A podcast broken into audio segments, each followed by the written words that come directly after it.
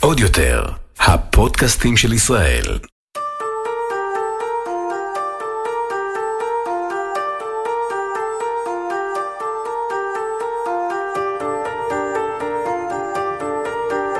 אתם מאירי, הפליליסטית. היי, שלום לכם, אני עדי בפודקאסט הפליליסטית שכבר התמכרתם אליו, תמשיכו להיות איתי. ואני רוצה להתחיל אה, ולקרוא לכם אה, מדגם מתוך מבול של הודעות וואטסאפ שאני מקבלת בימים האחרונים בפלאפון שלי.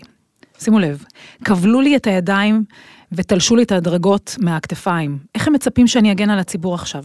מסרסים אותנו, המשטרה חוזרת לימי האופל שלה. אובדן הכבוד, אובדן ההרתעה, אובדן ההנהגה, אובדן השבועה לשרת ולהגן על הציבור, אובדן הגאווה, אובדן הלכידות, רק יחצנות והרבה ריקבון. אז אה, אלה ציטוטים מדם ליבם של שוטרים וקצינים במשטרה, אה, מזוטרים ועד ניצבים, שהם חשים מתוסכלים מהמצב אה, הרעוע בפיקוד המשטרה שמשליך עליהם. יש לי עוד הרבה להרחיב בנושא, אנחנו תכף נרחיב. בפרק הזה ננסה להתעמק בתוך זה ולהבין למה בעצם השוטרים חשים כל כך מתוסכלים.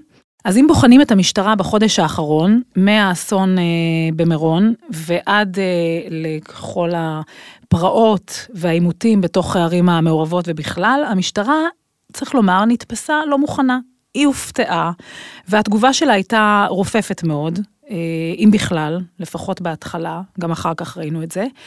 אה, בפרק הזה אנחנו נעסוק ביכולות של השוטרים ובכלל באפשרות שלהם להגן על הציבור, אנחנו נבדוק עד כמה עמוק המשבר אה, בתוך המשטרה, ונסתכל גם קדימה, נשאל האם המשטרה תצליח בכלל להגן עלינו, גם במובן של ביטחון לאומי וגם ביטחון האישי שלנו, האזרחים.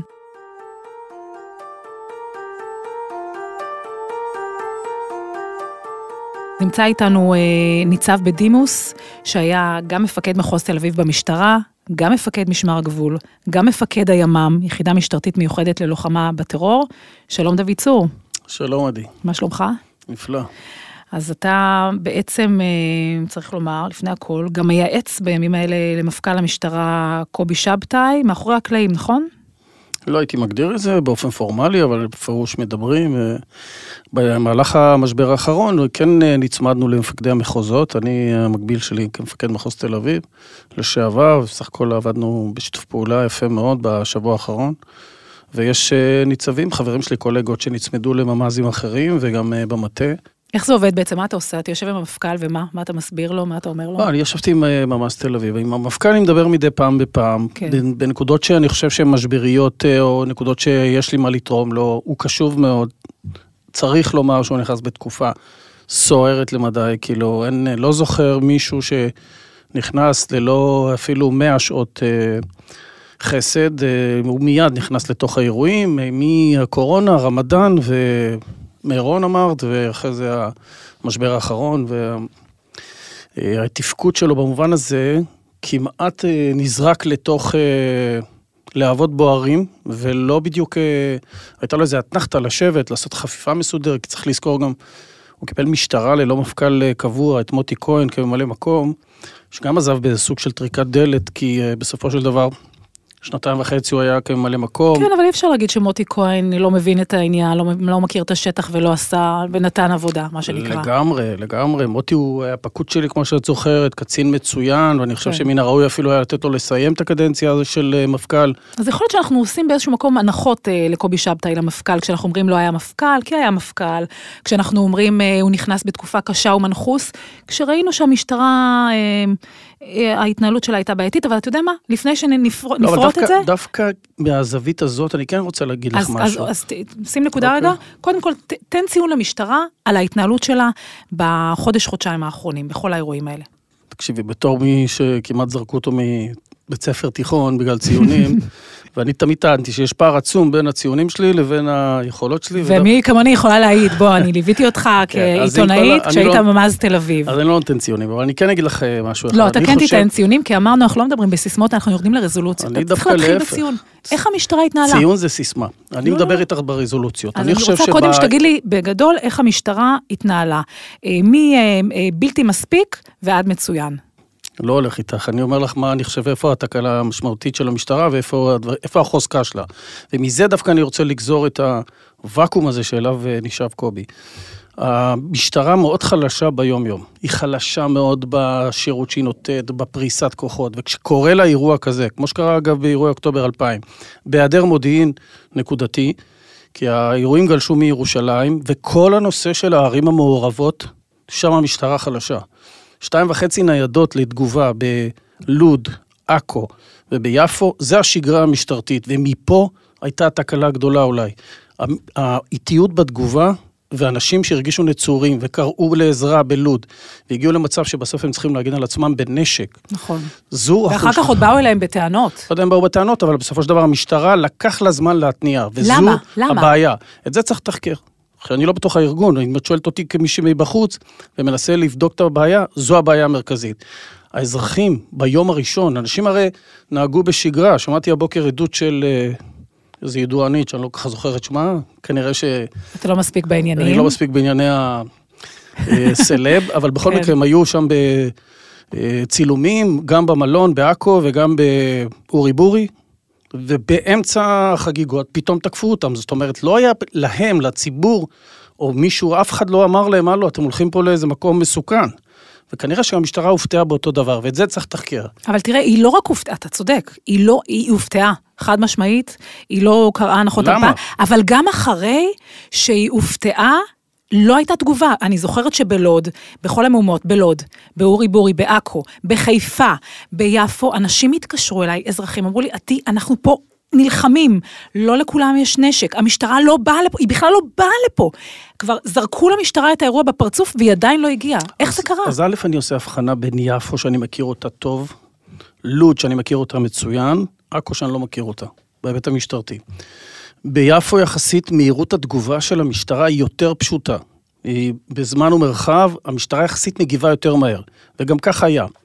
איפה הייתה הבעיה האחרת? הבעיה האחרת הייתה שהיא לא, לא נתנה מענה ב, לכל אותם אירועים בדידים מאוד קשים, של שרפת אה, הצתת המכוניות, בשעות הקטנות של הלילה וכדומה. ביום, יומיים אחרי זה, המשטרה ממש אה, בתל אביב הצליחה לכבות את התבערה, לעצור את האנשים, ואני חושב שהיא עשתה עבודה טובה. אז למה בתל אביב כן ובמקומות האחרים לא? עכו, חיפה, אה, מחוז, מחוז חוף מה שנקרא, שם מהירות התגובה כנראה הייתה מאוד איטית, צריך לתחקר את הדברים האלה, לבדוק למה, ושם המשטרה חלשה. יכול איפה להיות... איפה המשטרה חזקה?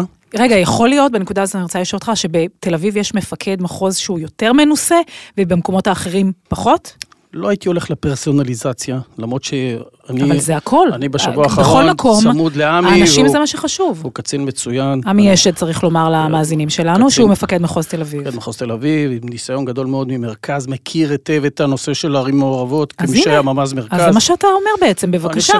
בתל אביב יש מפקד מנוסה, מקצועי, ידע להגיב מהר, קרא את המפה נכון, לעומת אה, מחוז מרכז והצפון. דיברנו על זה, עדי, את עושה פרסונליזציה של המשבר וגוזרת ולא ממנו. ולא נעים לך לא לדבר בכלל, על זה. זה לא שאלה שלא נעים, אני טוען, אני טוען שהארגון כארגון הוא הרבה יותר חזק מי, מי עומד בקודקוד. אני לא מזלזל לרגע בחשיבות הפיקוד. לכן גם במרכז יש אה, ממ"ז מנוסה וגם בחוף יש ממ"ז מנוסה, שהיה ממ"ז דרומי ומכיר היטב את כל ההוויה של אה, ערים מעורבות וגם אה, אוכלוסייה של בני מיעוטים. מה שאני חושב שהמשטרה חייבת, וכאן אני גוזר רגע אותו ואקום שדיברתי עליו, למה אני חושב שהשנתיים וחצי ללא מפכ"ל הן מאוד אקוטיות משמעותיות, ובראייה קדימה ולא עכשיו אחורה? כי גם מוטי כהן, כממלא מקום, לא יכול לבנות ולעשות מהפכות ארגוניות שנדרשות למשטרה. ואני אפרט קצת. כי הוא לא מונה. כי הוא לא מונה, כי הוא לא יכול, גם בלי תקציב. אוקיי, אבל פה אני... מדינה שמתנהלת בלי תקציב, כנ"ל למשטרה, לא יכולה לגזור תוכניות לטווח הארוך שמחויבות. ומה למשל? חייבים לשנות את המבנה הארגוני של המשטרה, שהוא כבר קיים מסורתית עוד מתקופתי ולפניי, שבהם המטות יחסית מאוד חזק, חזקים. לעומת זאת, הלבנות היסוד, הרגליים הרזות האלה של תחנות משטרה, ששם מהירות התגובה נגזרת מהם, היא סופר חשובה. איפה מג"ב בתוך כל הסיפור הזה? האם מג"ב ממשיך להיות חייל שהוא בעצם נותן מענה רק לביטחון השוטף, או שבדיוק לדברים האלה נועד מג"ב לתגובה מיידית, כי מג"ב הוא אגרוף דואלי, שיש לו גם יכולות שיטור וגם לחימה, והוא מצוין למגזרים האלה. לא ראינו את מג"ב פה בהתחלה. לא השתמשו בו. אתה זוכר את המבצע, אה, דוד צור, אה, זרי קיץ, שהיה ב-2011? זוכר, זוכר. היה מבצע, עם פקודה, עם תוכנית עבודה, גייסו אה, 8,000 שוטרים ואימנו אותם בדיוק לתרחישים האלה של התקפה בהר הבית, בערים המעורבות, אה, גייסו לדעתי, עד כמה שאני זוכרת, 16 פלוגות מג"ב, הכל היה מוכן, צריך רק היה להשתמש. ומכאן אני רוצה להפנות אליך שאלה שהיא קשה, שאני יודעת שבגלל שאתה מייעץ למשטרה קצת קשה לך, אבל בכל זאת, אה, בוא, בוא, המהות, אני חושבת, יותר חשובה, כי בכל זאת אתה קצין משטרה לשעבר, זה בדם שלך, וכן חשוב לך שתהיה משטרה חזקה ואפקטיבית, אני חושבת. יכול להיות שחוסר הניסיון של מפכ"ל המשטרה, אה, שמונה בלי ניסיון כמפקד מחוז, אה, יש לו ניסיון אמנם כלוחם, כאיש מג"ב, הוא פחות היה אה, במשטרה הכחולה, הוא היה מפקד מרחב, וזה לא מספיק. בצבא, לעומת זה, אני לא חושבת שהיו ממנים או שמינו אי פעם רמטכ"ל שלא היה לא רק אלוף פיקוד, אלא גם סגן רמטכ"ל. יכול להיות שחוסר הניסיון כאן הוא זה שיצר את הכאוס הזה, כי זה מה שבתוך המשטרה טוענים, שזה חוסר ניסיון של מפכ"ל. הם אומרים, מי שאומר מנחוס, מנחוס ומאשים את הפוליטיקאים, חוטא לאמת. האיש פשוט לא מקצועי, לא באשמתו, הוא איש מצוין, אבל הוא לא ידע לקרוא את המפה הנכון ולהגיב. לא, אז אני רוצה להציע לך תיאוריה אחרת. ומי שמאשים את הפוליטיקאים, זה לא קשור לעניין הפוליטי. אה, מאוד חשוב להבין תהליכים. ועזבי רגע את הסיבות למשבר, אוקיי? את יכולה לעשות פרסונליזציה של כל המשבר הזה, ולהגיע עם זה, ואז אז גם אגב, מי שיטען כן ביבי, לא ביבי, יגידו שהוא גם צודק, הוא טועה. לכן, בסופו של דבר צריך להסתכל על התהליכים, על הארגונים. ודיברתי איתי קודם על מג"ב, אני דווקא רוצה לחזור לנקודה הזאת. זה הפורטה של המפכ"ל הזה, דווקא מכל מה שציינת, ואם את שואלת אותי, באמת, טוב שיהיה מפכ"ל, קודם כל שהיה מפקד מחוז לפני, וטוב שיהיה מפכ"ל שעבר את כל שורת התפקידים הנדרשת. אבל מונה מפכ"ל שדווקא הפורטה שלו זה בדיוק אירועי סדר ציבורי ולא כאלה. ולא ראינו את זה. לא, אז מה שאני אז בא... זה רק מחדד שנייה, את הכישלון. לא, לא, מה שאני בא להגיד לך עוד פעם, אפשר להפיל את כל הכישלון על המשטרה, אבל זה לא. כי יש פה, יש פה תהליכים של שנים של הזנחה במקומות האלה, גם של כוחות שיטור, אבל בכלל, על כוחות שאמורים לעקר, כן, את הבעיות האלה עוד לפני, או טרום כהווייתם.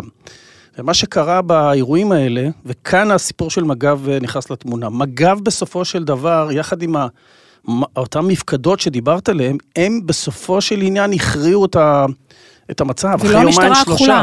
לא משנה. ולא באשמת השוטרים צריך לומר, השוטרים רק להגיד, מב... לא, מקבלים יש פקודות. יש יס"מ ויש שוטרים, זה, כל אותן לבנות שבנויות מכוחות שיטור חזקים, הם באים כ, אה, בפאזה השנייה. ואיפה הבעיה הכי גדולה? הפאזה הראשונה, אותו קריאות מוקד, הזעקות של אנשים בעכו, בלוד, ביפו וברמלה, ובנגב, שלא דיברנו מילה, שם סגרו צעירים, אה, ונדליזם גדול, הוציאו אנשים ממכוניות. כל הדברים האלה, משטרה אה, כחולה, כמו שאת קוראת לה, למוקד 100, אין לה יכולת תגובה מהירה, ואת זה צריך להבין. ואת הדבר הזה צריך לשנות. אז מה התפקיד של השוטר היום? השוטרים נותנים שירות, בעיקרון, של קריאות 100. כשקורה אירוע כזה, בהיעדר מידע מקדים, ב-2 בלילה או 12 בלילה, ניידות המשטרה לא מסוגלות לטפל בכל האירועים הדרמטיים האלה. אז מה שאתה. אומר לנו פה, ניצב בדימוס דוד צור, שהמשטרה לא אחראית ולא יכולה לשלוט על ביטחון הפנים שלנו.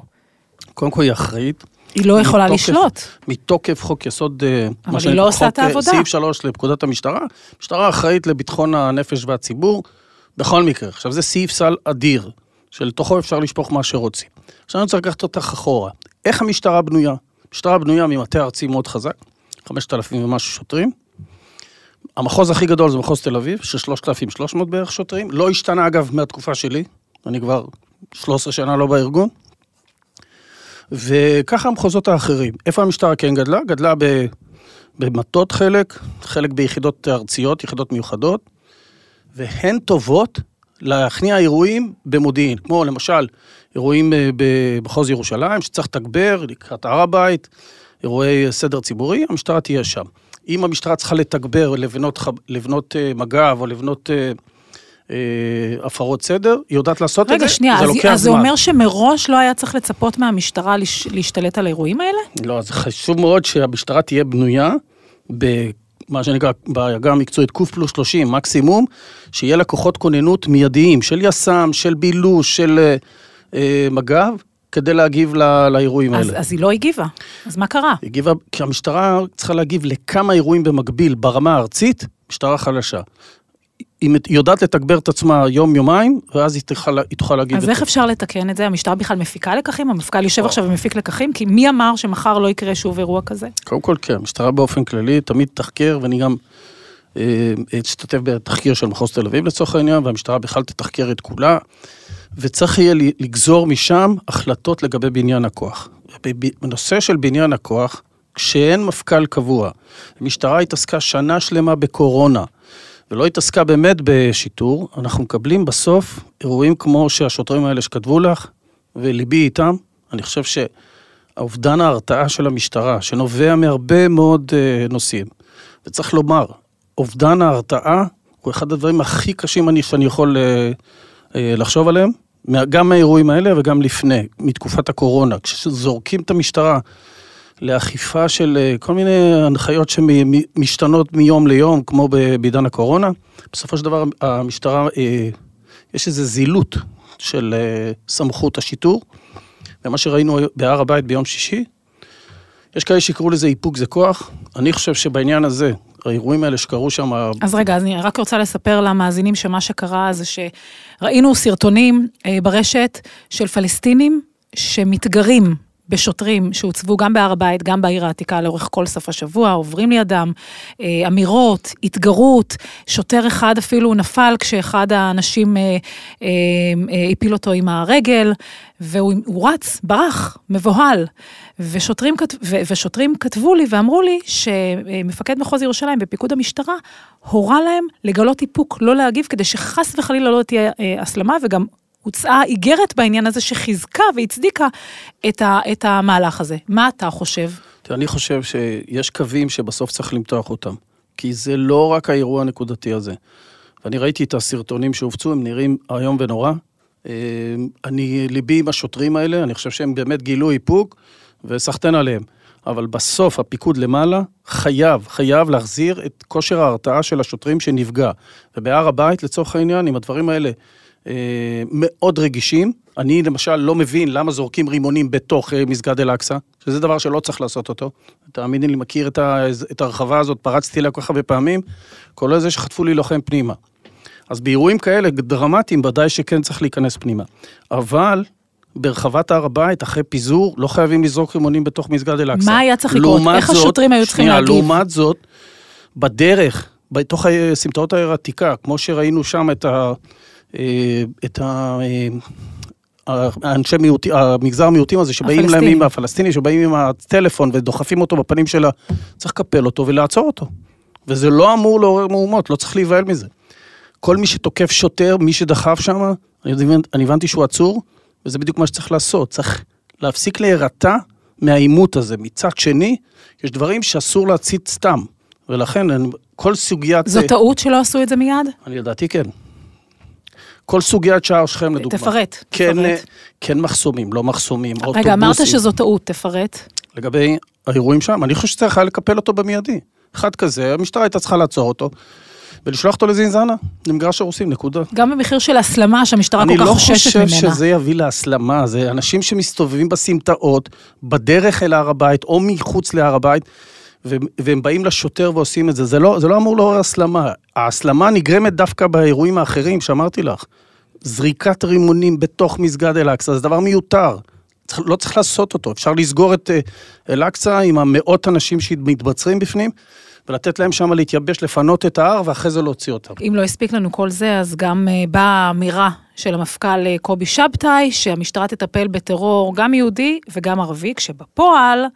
אתה, אתה יודע, אנחנו משתמשים הרבה לאחרונה במילה סימטריה, אבל כשאתה מסתכל, אתה רואה עשרות אלפי אירועים של אה, אנשים מהחברה הערבית נגד יהודים, לעומת אירועים בודדים שמוגדרים וחוסים תחת אה, הטרור היהודי. מה גם שכל נושא הטרור היהודי מטופל בשב"כ. אז למה הוא צריך להכניס את זה? מה, הוא יתחנף שוב בשם החשש מהסלמה? לא, אל, אל תיפלי לאותו פח שנופלים אליו כל אה, מי שמנסים למשוך אותו לפוליטיקה. ושמעתי את, ה, את העניינים האלה של הסימטריה, המפכ"ל לא דיבר על משהו סימטרי. אנחנו לא בשיעור גיאומטריה או מתמטיקה. הוא לא אמר שהדברים האלה סימטריים, אבל הוא אמר דבר נכון. א', בוא נאמר בכלל על המפגש הזה. זה שהוא קיים מפגש כזה, זה מבורך לגמרי. אני חושב שהוא לא אישית היה צריך לקיים אותו, היה צריך לקיים אותו לצורך העניין, מפקד המחוז ומטה או מפקד המרחב ומטה. אבל בוא נאמר שהוא נכנס לוואקום שאין אותו, כי לדעתי מי שצריך היה לעמוד בראש המפגש הזה זה בכלל רביבו, ראש העיר. ועשינו מפגשים כאלה, כדי לעקר עוד פעם את המוטיבציה. האמירה של המפכ"ל היא אמירה נכונה. בא השר שלו. שנייה רגע.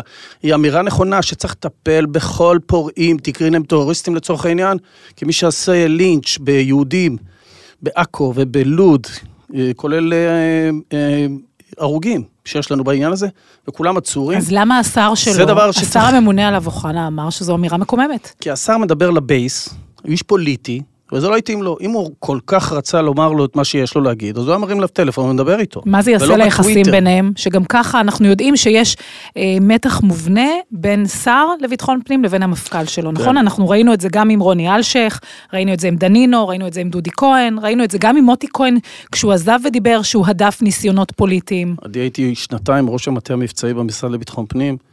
מכיר היטב, עבדתי עם שני שרים אה, לביטחון פנים, ועבדתי אל מול שני מפכ"לים, יהודה וילק, זיכרונו לברכה, ושלמה אורנישקי. והמתח הזה, כמו שאמרת, באמת זה נכון, הוא מובנה. אם כי, צריך לומר, הם מחובקים. כל הזמן, עד היום, עד, עד לאירועים האחרונים. דווקא במובן הזה, מפכ"ל ושר מסתדרים מצוין. מה יהיה מעתה ואילך? אני חושב שבגלל הרגישות הפוליטית, ואת ניקית את הפוליטיקאים מכל הדברים, ומה שנקרא, הפלת את כל האינתיפאדה הזאת על המשטרה. אז אני בא להגיד לך שיש אחריות עצומה, כן, לדרג הפוליטי-מדיני, כי יש דברים והחלטות שבהינתן שהדרג המדיני מקבל אותם, ובין קשורים להר הבית, כן ביקורי יהודים, לא, לא ביקורים בתקופת רמדאן. אני זוכר אגב שבתקופות רמדאן, כמעט ולא אפשרנו ביקורים בהר הבית, של יהודים. סיפור שייח' ג'ראח, שהוא סיפור אה, שהוא מצית. לצורך העניין, אלה החלטות שאמורות להתקבל בקבינט. קבינט לא התכנס, לדעתי התכנס פעם ראשונה אחרי. שנה או משהו, רק בסוגיית איראן, ורק כשהאירועים התחילו להסלים במזרח ירושלים ובהר הבית, קבינט התחיל להתכנס, כדי, כי הוא התחיל להבין שיש לזה השלכות מאוד דרמטיות אבל ברמה, על... ברמה... שנייה, ולמה?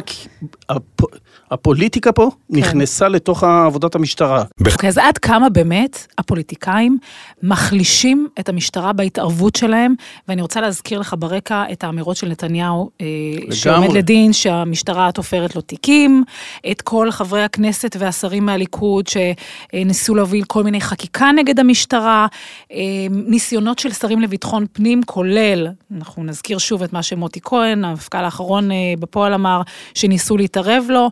עד כמה זה באמת מחליש את המשטרה? קודם כל, מחליש מאוד לדעתי, בהקשר של הרתעה, בהקשר של המיצוב שלו בציבוריות הישראלית. במובן הזה, עם כל הצער, לא נתניהו ולא אה, השרים ולא, הממשלה לא יכולה לנקות את עצמה במובן הזה שהם חפטו בארגון הזה ללא הפסק בשנים האחרונות. תוסיפי לזה את שנת הקורונה, תוסיפי לזה שאין מפכ"ל קבוע, הרי לא היה לה תקדים לדבר הזה. איך יכול להיות שאין מפכ"ל שנתיים וחצי? מה, זה נשמע לך הגיוני? איך, איך התרגלנו לדבר הזה? ומהצד השני, בואו, גם המשטרה לא תמימה. סליחה, זה לא קשור, אירוע, אני אומר עוד פעם. קורה אירוע, רגע שנייה, אני רק אשלים. קורה אירוע שנמשך שנים של עבריינים פליליים מהחברה הערבית, שאוגרים נשק ואמצעי לחימה במשך שנים, יורים פה טילים, אה, רוצחים אנשים, מתנהלים כאילו הם נמצאים במערב הפרוע, והמשטרה מסתכלת מהצד, לא מעיזה להיכנס לכפרים שלהם, אולי מפחדת, אולי זה לא מעניין אותה, היא מתנהלת כאילו זה עולם אחר, מקביל. ונותנת להפקרות הזאת לקרות, וגם באירועים עכשיו לא שראינו, נכון, זה עוד לפני שהם השתמשו בנשק הזה שהם כן, אמרו, אני יודעת שזה כן נכון. את יודעת שזה לא נכון. תשכנע אותי. איפה המשטרה? כי המשטרה בארגוני פשיעה... איפה המשטרה? בשנים, ארגוני פשיעה, את ארגוני הפשיעה הישראלים, היא הכניסה לכלא. כולם לכלא מחכים עכשיו להכרעת דין. כן. ידעה לטפל בהם. אז איפה היא פה, בפשיעה הערבית? גם ארגוני פשיעה ערבית, המשטרה יודעת לטפל והיא מטפלת בסדר. את מדברת על משהו אחר, שהוא uh, בהקשר של צבירת uh, כמויות הנשק, שזה דבר שהוא בלתי uh, סביר, בלתי קביל, ואת זה צריך לטפל. ברור. וזה צריך לטפל מזמן. לאורך זמן, שנים, וכאן אני נכנס לנקודה של המודיעין. כי פה, למשל, באירועים האלה, בשבועיים, שלושה האחרונים, התפתח שת"פ עם השב"כ, שלפני כן היה יחסית, אה, נאמר, רק מאוד, אה, מאוד מאוד צר, בהקשרים מאוד ספציפיים של האם זה, האם זה לאומני או לא לאומני, ופה לדעתי תידרש הרחבה, במיוחד על רקע האירועים האלה, כי המודיעין היא, נאמר, הוא המפתח לכל היכולת של המשטרה לנטרל את הכמויות נשק הגדולות האלה, וזה האחריות של המשטרה. אבל אני לא רוצה לפתור את הפוליטיקה מהעניין הזה.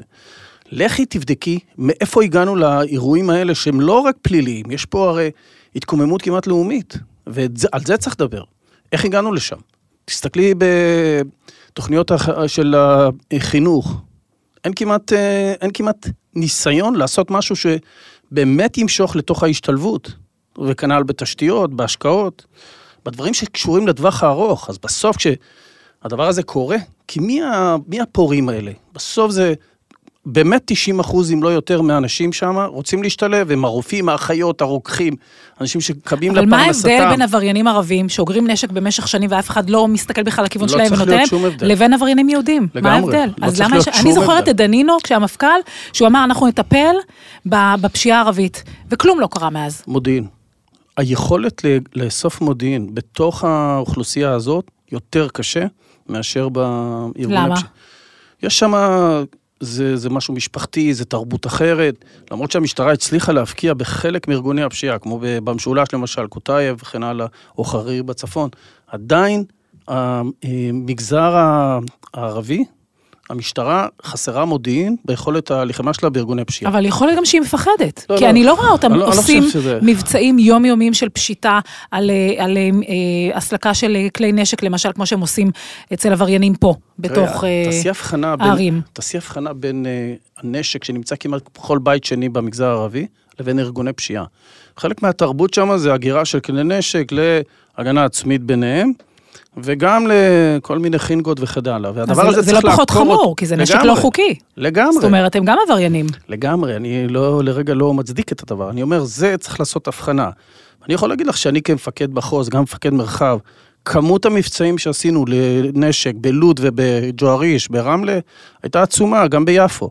ויחסית, אני אומר, במובן הזה המשטרה כן שולטת בארגוני הפשיעה, היא פחות שולטת בנשק שפזור במגזר הערבי. אפשר לשנות את זה? לגמרי. צריך להחליט שזה יעד מאוד חשוב. המדינה צריכה סוף סוף לתת את המשאבים הנדרשים, כי שנים המשטרה הזאת מורעבת, מוכה. צריך לזכור, אני ראיתי כל מיני, בסוף השבוע פרסמו לכאורה נתונים, נותנים גידול נומינלי של תקציב המשטרה על פני עשר שנים. זה קשקוש, זה פשוט אה, לזרות חול בעיניים של אנשים. רוב התקציב של המשטרה הולך לשכר וגמלאות. ובאופן כזה שאם 95% מהתקציב, כן, 80% הולך לשכר גמלאות, עוד 15% בערך הולך לדברים קשיחים, כמו ארנונה, מים, חשמל וכדומה, נשאר 5% להתעצמות. אין ארגון כזה בביטחוני, אין ארגון כזה. צה"ל זה 50-50, שב"כ בטח, מוסד. לכן צריך לשנות את, ה, את הפרדיגמה הזאת. וכן צריך כוחות מג"ב יותר אה, חזקים שיוכלו לקחת אחריות באזורים של המגזר הערבי ולעבוד מודיעינית נכון. עד כמה אתה מודאג מהמצב של המשטרה היום? אני חושב שיש אה, יש קאדר טוב שכן יכול להרים את הדבר הזה. אני, אני רוצה שתענה לי בכנות. אני עונה לך בכנות לגמרי. אני מודאג ממשהו אחר, אני מודאג מהעובדה שלא רואים בארגון הזה את, ה, את החשיבות העצומה שיש לו לחוזק החברה, להרתעה, לשמירה, לאכיפת חוק, לשמירת לא חוק. לדעתי הדרג הפוליטי-מדיני. לא רואה, או לא שהוא רואה. טוב לו ומתאים לו ככה שהוא, הארגון הזה מוחלש? גם יכול להיות, אבל לדעתי, הדבר הזה יתנפץ בפנים למדינה. כי בסוף, כשאתה מחליש ארגון לאורך זמן, אתה מקבל את זה. תראי, זה אותו דבר כמו אה, למשל אה, מערך הבריאות. משרד הבריאות הוא, הוא גוף חלש, אנחנו רואים איך, איך השירות, איך הרפואה הציבורית נכנסה לאירוע הקורונה, בדיוק כמו המשטרה אגב, מאוד רעבה, מאוד חלשה, לאט לאט היא התניעה, והיתרון היה בסוף באיכות האנשים, באיכות הרופאים, שהביאו אותנו לאן שהביאו אותנו בטיפול בקורונה. כנ"ל עם המשטרה, לוקח לה זמן להתניע, להביא כוחות תגבור שיש לה, ואז המשטרה יכולה לפעול בתוך אירוע כזה, אבל לא בשגרה, בשגרה היא מתוחה, והיא לא מסוגלת לתת מענה לכל האירועים שעפים עליה. איך היית מגדיר את מצב המשטרה היום? מאתגר. אז מה היא צריכה עכשיו כדי להשתפר? לדעתי, קודם כל היא צריכה גיבוי ותמיכה. המפקדים בתוך עצמם צריכים להסתכל על עצמם גם כן כלפי מטה, כי השוטרים בתחושה מאוד מאוד אה, רעה של אה, פעם אחת של חוסר אה, גיבוי, פעם שנייה של חוסר בתגמול, לא כסף, תגמול על כל ההתשה הזאת שהם כבר בתוכה כמעט שנתיים ומשהו בגלל הקורונה, פה אירועים. לכן בסופו של דבר זה אתגר עצום של המפקדים להחזיר את הביטחון לשוטרים, כי כמו שראינו את האירועים האחרונים, הביטחון פה נפגע. וצריך לומר, המשטרה עשתה פה עבודה קשה במשך העשרה, 11 יום האלה, קשה, ובסופו של דבר, אחרי יומיים שלושה שהיא התניעה, היא הצליחה להשתלט על האירועים בצורה יוצאת מהכלל טובה. Mm-hmm. תזכרי שיש עצורים בכל האירועים האלה. אין אנשים שמעורבים באירועי, לא באירועי הירי, אה, במגזר הערבי, לא בלינץ' שעשו ביהודים, וגם לא בלינץ' שעשו בערבים. אני חולקת עליך, כי ראיתי את מספר העצורים אל מול, שהם גם כשלעצמם אה, יחסית לאירועים נמוך, אה, אל מול כתבי האישום, שזה גם נמוך. סליחה, 1,500 עצורים? וכמה כתבי אישום הוגשו עד עכשיו, אתה יודע? כן. מאה וקצת. זה, זה הגיוני. יש פה היגיון, זה הגיוני יש לגמרי. פה הלימה. כן, זה הגיוני אני לגמרי. אני חושבת שלא. לא, לא, אני זה חושבת הגיוני. שאנחנו רואים עכשיו שוב את, ה, את הרצון להקטין את ה... את הפוטנציאל של ההסלמה, לא, לא. ולכן יש פה זהירות יתר. קודם כל זה הגיוני לגמרי, אה, יש איזה 150 כתבי אישום, ברובם אגב נגד זה ערבים. טיפה בים. בר- ברובם, לא, זה 150 כתבי אישום והצהרות תובע. אגב, זה עדיין לא אומר שאלה ששוחררו, לא יוגשו נגדם כתבי אישום בהמשך. אי אפשר לסתום גם את מערכת המשפט, צריך לתת איזה תעדוף של העניין הזה. בעיקר נגד, אמרת? ש-90 אחוז זה ערבים, ויש לנו כן. 10 אחוז מתוכם שהם גם אה, כנגד יהודים פורעים שביצעו לינץ'. אה, אתה רוצה לומר משהו לשוטרים אה, ששומעים אותנו, שהמוטיבציה שלהם, המורל שלהם מאוד מאוד נמוך, שקושרים את הידיים שלהם, שמשפילים אותם, שהמעמד שלהם אה, השתנה וירד מאוד בשנים האחרונות, בטח בחודש וחצי האחרונים, שאזרחים מרשים לעצמם ככה להתעלל בהם, להשפיל אותם. אני, אני כן רוצה להגיד במילה, באמת לשוטרים, כי בסך הכל, מתוך אחד שמכיר את המערכת הזאת, יש לי הערכה עצומה לאנשים האלה שלא הראו את המשפחות שלהם, עובדים סופר קשה. נכון, לא תמיד הציבור יודע להעריך את זה. אני אומר לך שרוב הציבור מאוד מעריך את עבודת השוטרים. כן יודעים להעריך את, ה, את הדברים הטובים שהם עשו. אין ספק שהמשטרה חייבת לתחקר את עצמה, גם ברמת הפיקוד, גם ברמת התגובה המיידית, ששם היה אולי את החולשה הראשונית. ואת זה, מכאן גם האפקט הגדול מאוד של הציבור, שחש שזה חוסר אונים וחוסר אה, ביטחון וחוסר אה, תגובה של המשטרה. את זה צריך לתחקר. כמו שאני רואה את זה, אה, השוטרים, עשרות אלפי השוטרים, שאנחנו רואים אותם, איך הם מסכנים את עצמם בשבילנו, איך הם מגינים עלינו ואיך הם אה, נלחמים, אה, הם בעצם סוג של קורבן, כי הם מצד אחד מאוד מאוד רוצים להגן על הציבור, מהצד השני כובלים את הידיים שלהם. זאת אומרת, הבעיה, כמו שאני רואה אותה, היא בפיקוד, במפכ"ל ובחלק מהניצבים ב- בספ"כ. אני רוצה לשאול אותך, אנחנו לא ניצב... חייבים להסכים על כל דבר. נכון, נכון. אני חושב שהפיקוד של המשטרה הוא פיקוד טוב. אני, אני, לו- יש לו- אני חושבת שאני רוצה זמן. לראות את זה כבר קורה, את הפיקוד הטוב הזה. את ה... את ה... במרכאות. אני רוצה לראות את הפיקוד אני הטוב הזה, מה אני הוא עושה, בינתיים. אני לא רואה כלום. אוקיי. המפכ"ל צריך לומר כבר ארבעה חודשים בתפקיד, ואנחנו לא רואים משהו טוב שקורה עם המשטרה בימים האלה, לצערי הרב, אבל אתה יודע מה? נחכה ונראה. יש לי, אה, ניצב בדימוס דוד צור, עוד שתי שאלות אליך, אה, לא פשוטות. יש משהו שהיית היום עושה אחרת במקום אה, המפכ"ל אה, קובי שבתאי, ובמקום מפקד מחוז ירושלים, תורג'מן? תראה, הייתי תובע אולי אה, ב- את האירועים הפרו-רמדאן, הייתי תובע להעלות את זה ברמה הכי אה, גבוהה, כולל ראש הממשלה, לדיון. זאת אומרת, כל סיפור שייח' ג'ראח, אה, נושא הרגישות אה, בהר הבית, כן יהודים נכנסים או לא בתקופת רמדאן, אוטובוסים, עוצרים אותם, לא עוצרים אותם, כל הסוגיות האלה הן סוגיות שלא אמורות להיות לפתחו של מפקד המחוז בלבד, או אפילו מטה מזה. זאת אומרת, צריך להיות אירועים שהם ברמה של גיבוי או לא, או חוסר גיבוי של ממשלה, אבל הממשלה צריכה לקחת אחריות על ההחלטות האלה, כי כל החלטה הכי טקטית בירושלים, באירועים האלה, בתקופה הזאת, יש לה השלכות. עכשיו, זה לא מנקה את החמאס שהם מנוולים, וצריך היה להוריד להם את הראש בלי קשר. בסוף, אנחנו את כל הנושא של ערביי ישראל, ויש לנו מספיק אה, מרצח אה, אה, מהרצח במערת המכפלה של גולדשטיין שהשליך על הר הבית, אחרי זה אירועי ברכת כהנים שהשליך על אירועים ב-1990, אחרי זה מי תלכי לאירועי אוקטובר 2000 שהתחילו בהר הבית, זאת אומרת, אנחנו מבינים את הנפיצות של הדבר הזה, ולכן צריך לנהוג בו בחוכמה, ברגישות ולא בפוליטיקה. ולזכותו של נתניהו אפשר לומר שנים שהוא הבין את זה ועשה את זה. לצערי, בתקופה האחרונה, הנושא הפוליטי הוא כל כך מתערבב, שאו ואקום שלטוני, כן? אני לא אומר שהוא עשה את זה בכוונה כמובן. אני לא מאלה שחושב שיש פה איזו קונספירציה של שהוא עשה את זה כי, כי זה משרת אותו. אבל הוואקום הזה, בסופו של דבר, גורם לזה שהמפקד המחוז הופך להיות האיש היחידי אולי שמקבל החלטות. השאלה השנייה היא אה, שאלה קצת אישית. אתה מרגיש שברחת מהטיטניק בזמן? או שאולי אתה מצטער? לא, לא, ממש לא. אני עזבתי את הארגון כבר לפני הרבה שנים, בלב שלם, כמו שאת יודעת. בשנייה אחת חתכתי, כי ברגע שלא מוניתי למפכ"ל, אני לא אוהב לקדר לרוחב. החיים שלי טובים מאוד, אם איפה שאני יכול אה, לסייע ורוצים את עזרתי, את העצה שלי, אני מוכן לתת אותה. למה לדעתך לא מונית למפכ"ל? זה צריך לשאול את מי שלא מינה אותי. זה גם, זה שוב הפוליטיקה? תראה, תמיד באירועים האלה, בסוף, כשאתה מגיע לקצה הפירמידה, תמיד בסוף יצא איזה אחד או שתיים מאוכזבים. יש שיקולים של השר, אני חושב שהוא טעה, אבל בסופו של דבר הוא... אה, הוא השר, הוא קיבל את ההחלטה, זה היה אבי דיכטר. ואני חושב שבסך הכל מונה מפכ"ל טוב אז. אם לא- יקראו לא... לך היום, אה, על רקע מה שקורה במשטרה ועל רקע חוסר ניסיון של מפכ"ל, להיות מפכ"ל המשטרה, להתגייס, מה תגיד? לא רלוונטי לגמרי, יש חבר'ה טובים מאוד, צעירים אה, שיכולים לעשות את זה. מה תגיד, דוד צור, לא, אתה לא, תסכים? לא, זה לא רלוונטי, ממש. ואם לא. זה יהיה רלוונטי, מבחינתם אתה תסכים? א', זה לא על הפרק ב', זה לא רלוונטי, יש חבר'ה צעירים טובים היום שצריכים לעשות את זה. אנחנו, מה שנקרא, דורנו תרם את uh, תרומתו. ואנחנו תמיד נשמח לייעץ מבחוץ. ההיסטוריה מוכיחה שדווקא הניסיון הוא זה שהציל את המשטרה ברגעים הקשים שלה ובתקופות הקשות. אתה אמנם היית חבר כנסת, אבל בוא, תשים את הפוליטיקה כן. בצד. היית חוזר, עכשיו אני אומרת לך, בוא, לא, תתגייס למשטרה, לא, לא. תהיה מפכ"ל. לא, לא. אני חושב שיש מפכ"ל טוב, צריך לתת לו את הזמן לעבוד, כי מהיום שהוא נכנס, הוא בעצם לא עובד לטווח הארוך כלום, הוא רק מטפל בכיבוי שרפות כל היום, ואת זה צריך uh, לאפשר לו להתחיל לעבוד.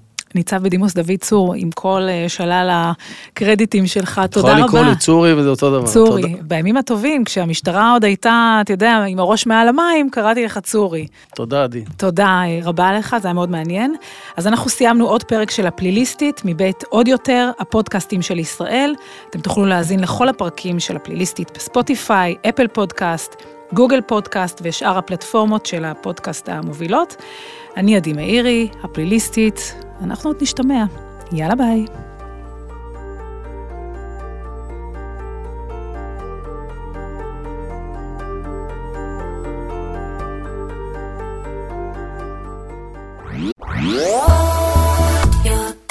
עוד יותר, הפודקאסטים של ישראל.